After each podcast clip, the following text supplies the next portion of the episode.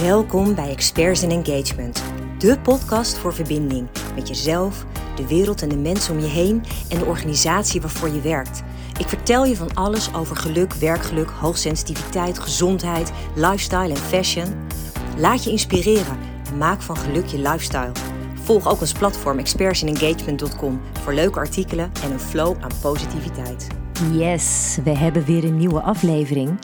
En um, ja, deze had eigenlijk wel een, een, een bijzondere aanleiding. Want um, ik keek met mijn lieve man. Um, ja, is het een serie? Eigenlijk wel. Er zitten een, ja, best wel een aantal afleveringen. From Scratch uh, op Netflix. En ik was verrast over de diepgang uh, die in deze serie zat. Uh, eigenlijk best wel Um, nou ja, niet helemaal Netflix uh, in mijn optiek, maar ik vond het verrassend mooi. Het was heel authentiek, het was heel goed geacteerd. De verhaallijnen waren echt. Ja, ik, ik vond het gewoon zo mooi om naar te kijken. Um, het was niet iets waar je per se heel vrolijk van wordt, want er is eigenlijk ook wel heel veel, heel veel verdriet in. Maar dat maakte het ook wel weer een soort van echt of zo, weet je wel? Alsof het inderdaad echt in dit leven zou kunnen gebeuren. En um, nou ja, waar het eigenlijk op neerkwam. Uh, en dan hoop ik eigenlijk niet dat ik, uh, dat ik dingen verraad over de serie. Maar goed, um, wij hadden een gesprek naar aanleiding van die serie over um, ja, wat nou als je overlijdt. Um, wat is de indruk die je achterlaat? En nou ja, dat vond ik eigenlijk best wel een hele mooie vraag. Want staan we daar eigenlijk wel eens bij stil? Uh, gewoon in het dagelijks leven, bij de dingen die we doen. Staan we wel eens stil bij consequenties van de dingen die we doen. Uh, de indruk die dat op anderen achterlaat. De indruk die jij dus als persoon achterlaat. De impact die je maakt. Ik hoor heel vaak mensen zeggen, uh, hè, bijvoorbeeld als je kijkt naar uh, werk wat ze doen, dat ze een baan willen waarin ze impact maken, waarin ze het idee hebben dat ze een zinvolle bijdrage leveren. En tegelijk snappen mensen dan ook nog zelf vaak niet helemaal wat ze daar eigenlijk mee bedoelen. En ik dacht, nou, ik vind dat wel eens een mooie. Um, ik ben bezig ook met de nieuwe masterclass uh, werkgeluk. Die is uh, speciaal bedoeld voor uh, managers, leidinggevenden die het allerbeste uit hun medewerkers willen halen en die hun medewerkers willen faciliteren om hun ja, ultieme potentie te gebruiken. En ik dacht, nou, dat is wel echt een manier om impact te maken. Hè? Want als, als manager heb je sowieso impact op de medewerkers met wie je werkt elke dag. Dus hoe mooi zou het zijn om daar eens eventjes bij stil te staan. Dus ik dacht, nou, dat vind ik wel een mooi onderwerp. En ik dacht, ik neem je mee in een aantal dingen die je kunt doen, die dus voornamelijk eventjes nu vanuit de managersrol bekeken zijn, maar die je natuurlijk gewoon in het dagelijks leven ook in je gezin bijvoorbeeld kunt toepassen. Dus hoe dan ook, of je nou manager bent of niet, je kan echt wel iets hebben aan, uh, aan wat ik met je wil delen. Um, ik heb vijf punten waarvan ik denk dat je echt impact kunt maken als je die punten toepast in je leven of dus in je werk. Punt 1. En dat is een ongelooflijk belangrijke, die bij ons ook altijd heel duidelijk uit alle onderzoeken komt, die we bij verschillende opdrachtgevers doen, is: geef jij de mensen om je heen de erkenning en de waardering die ze verdienen. Uh, het is algemeen bekend eigenlijk en ook uh, algemeen um, uh, ja, de standaard dat mensen van positieve bevestiging houden. En dat is heel erg bijzonder. Hè? Ik heb meerdere um, trainingen, masterclasses van Anthony Robbins mogen volgen. Ik heb zijn naam wel eens vaker laten vallen. Hij heeft vanuit de Anthony Robbins Academy heel erg veel onderzoek ook gedaan naar de basisbehoeftes van mensen. En eigenlijk zo'n beetje de belangrijkste basisbehoefte is erkenning en waardering. Mensen willen gezien worden. Um, mensen willen ergens bij horen. Willen dat anderen ze zien als iemand die iets toevoegt. Um, dus de kleinste complimenten die jij kan geven als manager bijvoorbeeld, sterken mensen. En dat vind ik zoiets bijzonders. Ehm, op het moment dat jij iemand in jouw team erkenning geeft of waardeert, dan versterk je daarmee ook iemands zelfvertrouwen. Moet je nagaan wat een impact je dan dus als mens naar een ander mens kan maken. Uh, wat ik daar heel erg mooi aan vind, is als je dat puur uh, fysiek ook bekijkt, is dat op het moment dat een mens een uh, compliment in ontvangst neemt, dan maakt hij dus direct dopamine en oxytocine aan.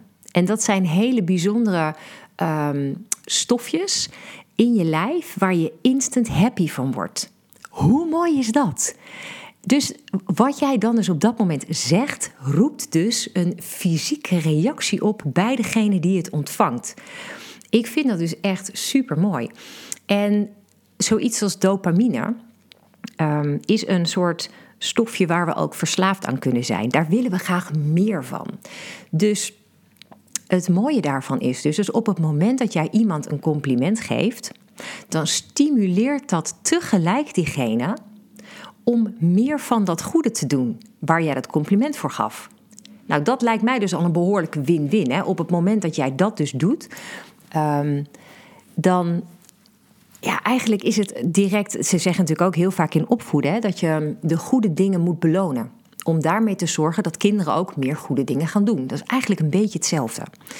En ik vind dat dus een ongelooflijk waardevolle als je ziet wat waardering of een compliment dus doet voor die ander. Als je impact wil maken, is dit je nummer één. Um, iets meer in het verlengde daarvan, is mijn tweede uh, tip hierbij, um, is dat je dat één op één natuurlijk kan doen. Maar om het nog meer impact te geven, doe je dit waar andere mensen bij zijn. Dus bijvoorbeeld in teamverband. En wat daar een hele mooie win-win aan is, is op het moment dat jij in groepsverband iemand erkenning geeft voor iets wat hij of zij gedaan heeft, of een compliment geeft, dan komt niet alleen maar die persoon de boodschap over, maar de anderen daaromheen, die verstaan die boodschap ook. En die krijgen een intrinsieke motivatie om diezelfde erkenning te gaan realiseren.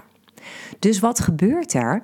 Op het moment dat jij een bepaald compliment geeft, dan is dat voor de, de, de toehoorders daaromheen ook een idee van: hé, hey, oké, dus als ik dat doe, dan krijg ik een compliment. En mensen worden daar gewoon blij van. Dus dat verhoogt direct de motivatie, dus ook bij directe collega's. Um, en wat ik nu ga zeggen, dat is niet bedoeld als, um, als dat het dan onecht moet zijn. Maar wat ik wel bedoel is, kijk eens of je kan zoeken naar positieve dingen om te benoemen aan de mensen in je team. Uh, en nou, deze heb ik ook van, uh, van Anthony Robbins. Hij zegt altijd: Where focus goes, energy flows.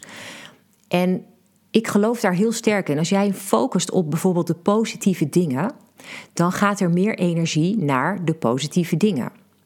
Um, dus um, ja, wat zeggen ze in Nederland ook alweer? Gewoon uh, wat je aandacht geeft, groeit.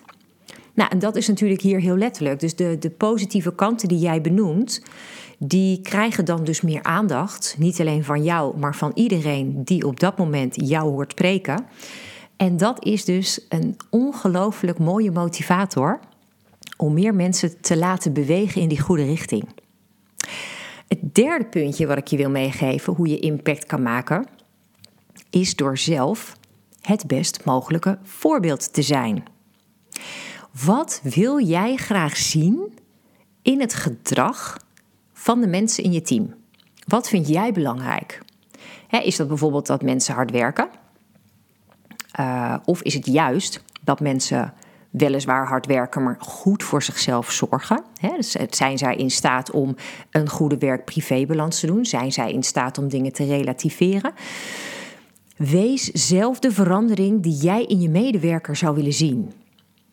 En daarmee bedoel ik dus vooral.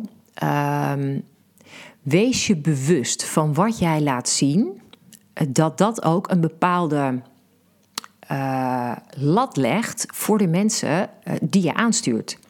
Dus stel je voor dat jij zo'n manager bent die uh, in avonden en weekenden met de mail bezig is en dus ook jouw mensen mailt, waardoor zij dus zien dat jij continu uh, zwaar na acht uur s'avonds nog aan het werk bent, dan roep jij daarmee op dat zij hetzelfde doen. Zonder dat je het zegt hoor, maar dat is wel over het algemeen hoe mensen het opvatten. Ik raad je dat af omdat je daarmee het risico loopt dat mensen niet meer goed begrijpen hoe die werk-privébalans in elkaar zit. Vooral omdat ze de druk voelen door jouw voorbeeld dat ze dit moeten doen. En niet zozeer dat ze het willen. En daarmee loop je het risico dat bijvoorbeeld mensen in een burn-out terechtkomen. Dus ik denk heel goed, hè, ook met, met voorbeelden. Wat ik ook een hele mooie altijd vind bij uh, managers bijvoorbeeld, is Durf jij jezelf kwetsbaar op te stellen? Durf jij jezelf als persoon ook echt te laten zien aan je medewerkers? Of heb je een soort masker op waarbij je die ja, cool collected manager bent, die eigenlijk nooit te raken is, die altijd op de ratio zit en die altijd doorgaat? Of laat jij zien dat je ook wel eens even uit het veld geslagen kunt zijn. Dat je ook een fout kunt maken. Dat je ook wel eens gewoon moe bent. Of dat je ook wel eens chagrijnig kan zijn of onzeker kan zijn. Op het moment dat jij die menselijke kant kan laten zien, dan durven mensen in jouw team dat ook. En het allermooist daaraan is op het moment dat jij in staat bent om dat aan je mensen te laten zien en die openheid te creëren in je team, dan ontstaat er verbinding onderling. En die verbinding zorgt ervoor dat iedereen optimaal kan samenwerken. En daarmee ook elkaar verder kan helpen, waardoor je dus nog meer effectiviteit krijgt, betere prestaties. Dus wees het voorbeeld voor je medewerkers. De vierde en dat vind ik ook een hele belangrijk, omdat ik vaak van mensen hoor dat ze dit heel graag van hun leidinggevende zouden willen zien, maar het niet krijgen. Gaat over vrijheid. Geef je mensen de vrijheid om de dingen zelf te ontdekken. Weet je, begeleid wel waar nodig, dus laat ze niet alleen maar zwemmen, maar geef ze wel de ruimte om te kijken hoe zij dingen het beste kunnen aanpakken. Heel erg. Um, herkenbaar daarin is dat mensen over het algemeen daardoor ook veel meer zelfvertrouwen krijgen en ook veel zelfstandiger worden. En dat is ook wat je natuurlijk als manager zou moeten willen. Door te micromanagen ga je er heel erg bovenop zitten, maar maak je jezelf ook onmisbaar. Wil jij een relaxter leven als manager, dan is dat natuurlijk absoluut niet de bedoeling. Want dat zou betekenen dat je bij elke punt en komma betrokken moet zijn, waardoor je echt nergens meer aan toe komt. En daarnaast wat ik zelf heel erg mooi vind, uh, en ik zie dat zelf ook altijd zo, van fouten leren we. Dus op het moment dat jij mensen fouten laat maken en jij laat ook een cultuur bestaan in je team waar fouten maken oké is. Hè? Dus we, we benoemen met elkaar, joh, fouten maken is oké, want we leren ervan dan creëer je in je team ook veel meer innovatie, veel meer vernieuwing, veel meer creativiteit.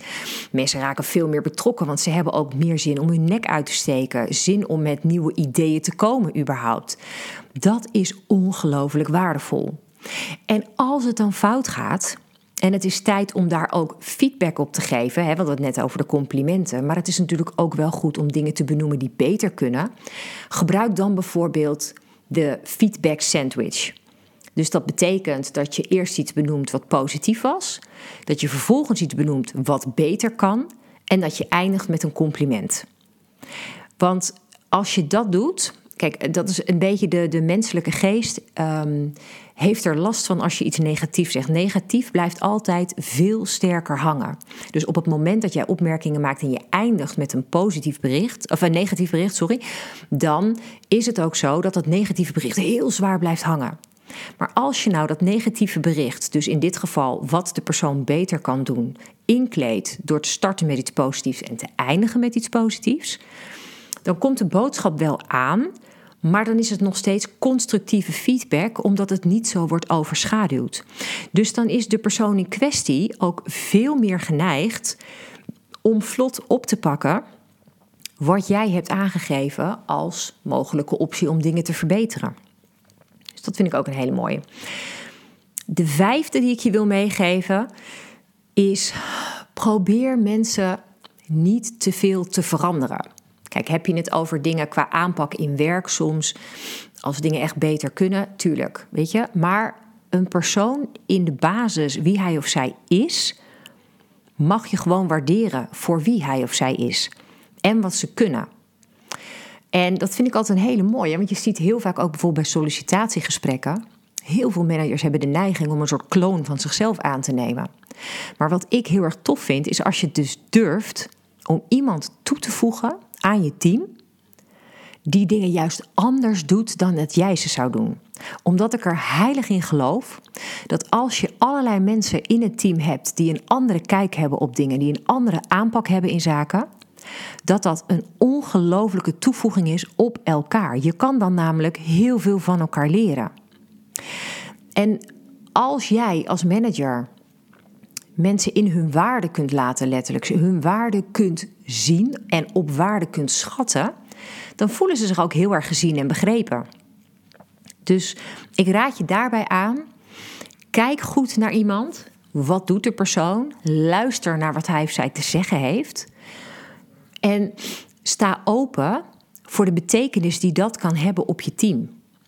Want als je dat doet, dan heb je ja, goud in handen. Serieus. Mensen voelen zich dan zo ongelooflijk gewaardeerd, omdat ze letterlijk echt zichzelf kunnen zijn. Wij hebben altijd in ons employee brand onderzoek um, vragen ook over de psychologische veiligheid op de werkvloer.